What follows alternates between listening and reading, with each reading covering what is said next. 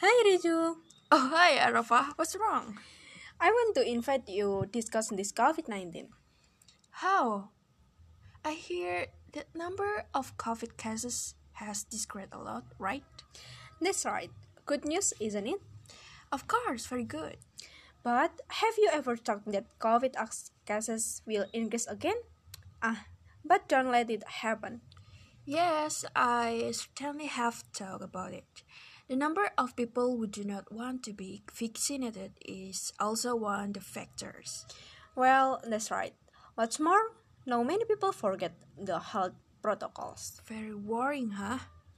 True, we as young people should be able to be pioneers, but many young people don't follow health protocols and don't want to be vaccinated. So many efforts have been made by related parties, starting for the promotion of 5M, social distancing, correct sneezing and coughing rules, and information, information for vaccines. So that's it. Oh yeah. How was your lecture? What is offline? Already a few. How about you? Mine is also the same.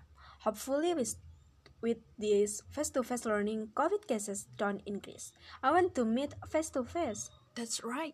Okay, Ju, thanks for asking me to have a short discussion. Thanks again, Va.